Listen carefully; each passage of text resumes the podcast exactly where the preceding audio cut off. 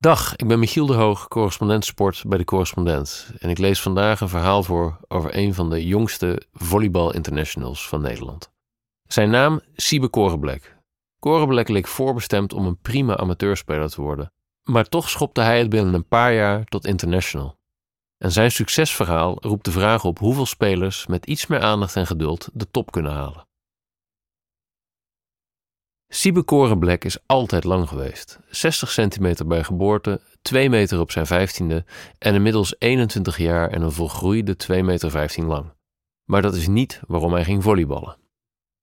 Korenblek ging op volleybal omdat het hem leuk leek. Het leek hem leuk omdat zijn ouders op volleybal zaten. En zijn ouders gingen op volleybal omdat ze lang waren. Jacco 1,95 meter, Geeske 1,85 meter. Zijn ouders waren, al dus Geeske, redelijk goed hun dochter Femme is ook redelijk goed. En Siebe was als tiener ook redelijk goed.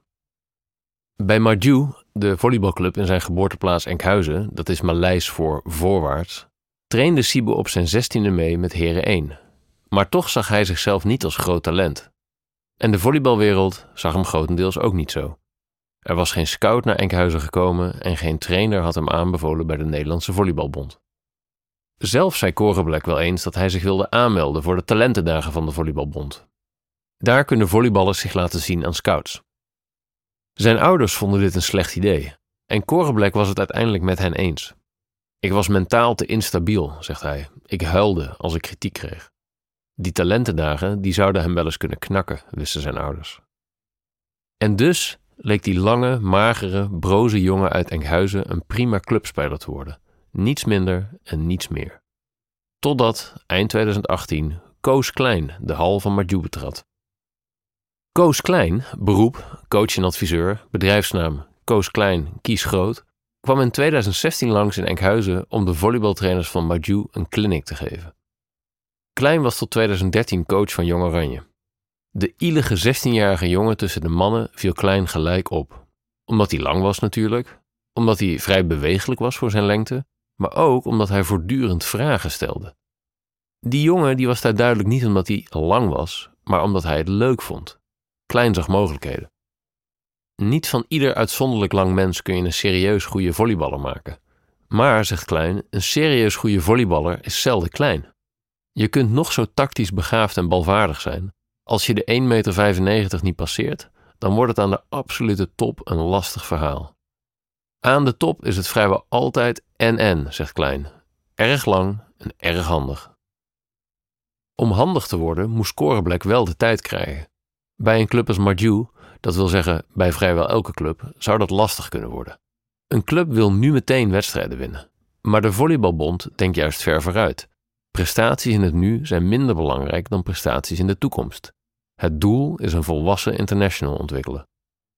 Korenblek was weliswaar bewegelijk, maar motorisch ook houterig. Zoals Klein het zegt, zijn spierconcept was nog niet op orde. Nog niet ontwikkeld genoeg om het vele springen en landen aan te kunnen. Klein schetst een bekend doemscenario uit het volleybal. Een jonge, lange jongen als Korenblek zou overbelast raken, zou geblesseerd raken, zou vertrouwen kunnen verliezen en zou kunnen stoppen. Korenblek had, kortom, een trainer nodig die het nu zou vergeten en zou investeren in wat over een paar jaar zou kunnen gebeuren. Korenblek zou bij een lokale club misschien nooit Heren 1 halen, vermoedde Klein, maar hij zou wel voor Oranje kunnen spelen. Tenminste, als hij in de juiste omgeving werd gezet. Korenbleks talent was voor Klein zo duidelijk dat hij dacht dat anderen het ook al wel zouden hebben gezien. Ik zei: Train je al op Papendal, Siebe? herinnert Klein zich. Papendal, vlakbij Arnhem, is het nationaal trainingscentrum voor tal van sporten, waaronder de selectieteams van het Nederlandse volleybal. Nee? Antwoordde Korenblek iets wat verwonderd. Je zou denken dat spelers als Korenblek niet worden gemist. Ze zijn letterlijk niet over het hoofd te zien. Maar dat was dus wel zo. Ik dacht echt dat het anno 2018 niet meer mogelijk was dat we als volleyballand zulke jongens zouden missen, zegt Jong Oranje coach Arnold van Ree. En klein, scouting in Nederland stelt nu eenmaal niet zoveel voor. Er zijn gewoon niet zoveel mensen die het doen.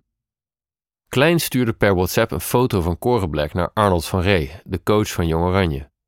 En om zijn lengte duidelijk te maken vroeg hij Pim Jorna, trainer bij Madju, vader van international Gijs Jorna, om naast Siebe te gaan staan.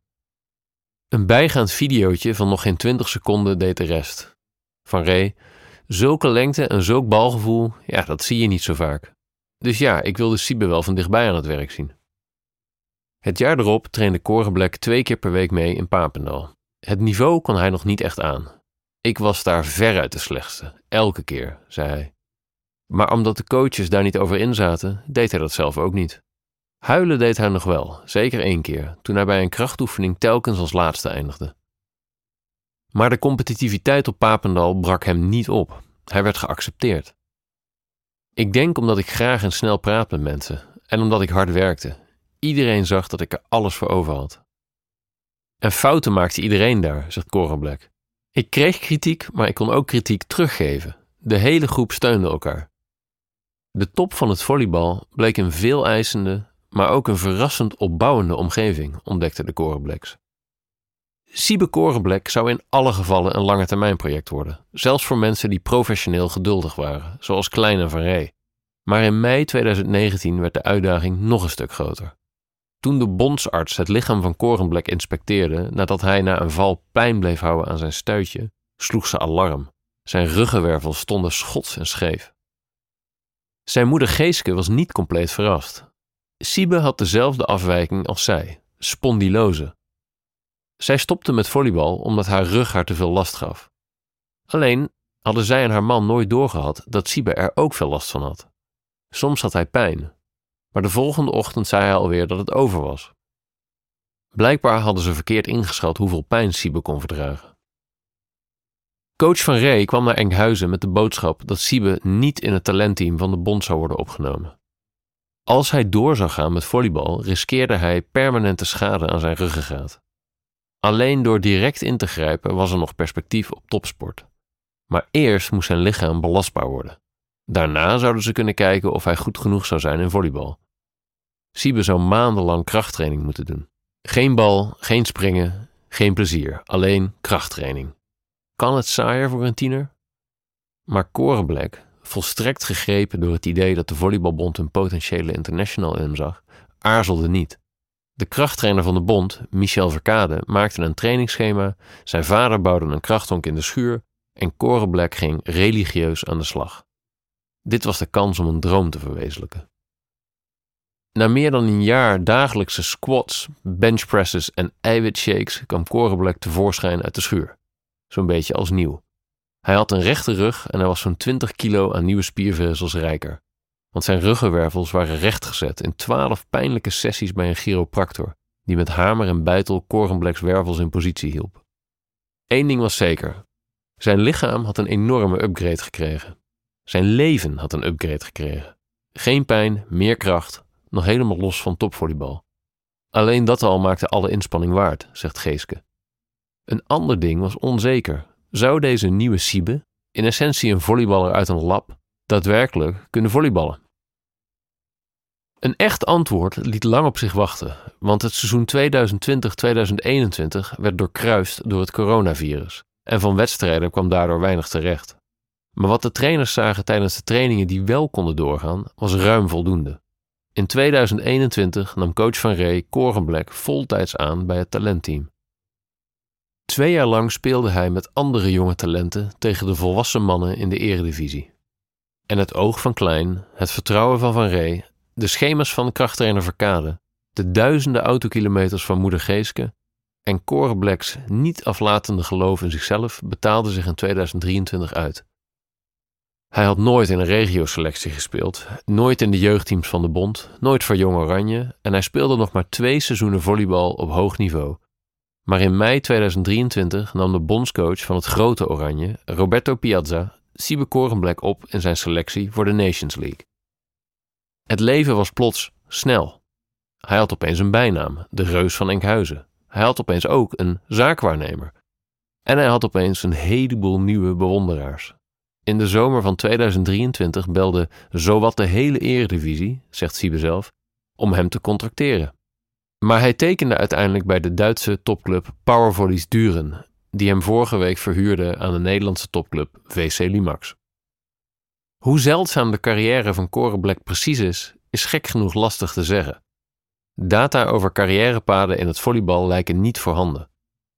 Maar zeldzaam is het, al dus coaches van Ray en Klein. En dat roept de vraag op hoeveel talent met iets meer aandacht en geduld nog meer de top zou kunnen halen. Korenblek is nu dan wel international en professioneel volleyballer, maar op een bepaalde manier toch nog onervaren, iets waar hij zelf trouwens niet omheen draait. Status zegt hem weinig.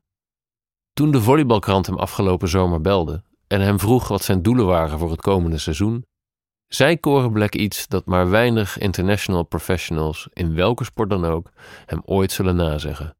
Hij zei: Ik wil het spel beter begrijpen. De correspondent bestaat tien jaar. Al tien jaar maken wij journalistiek voorbij de waan van de dag.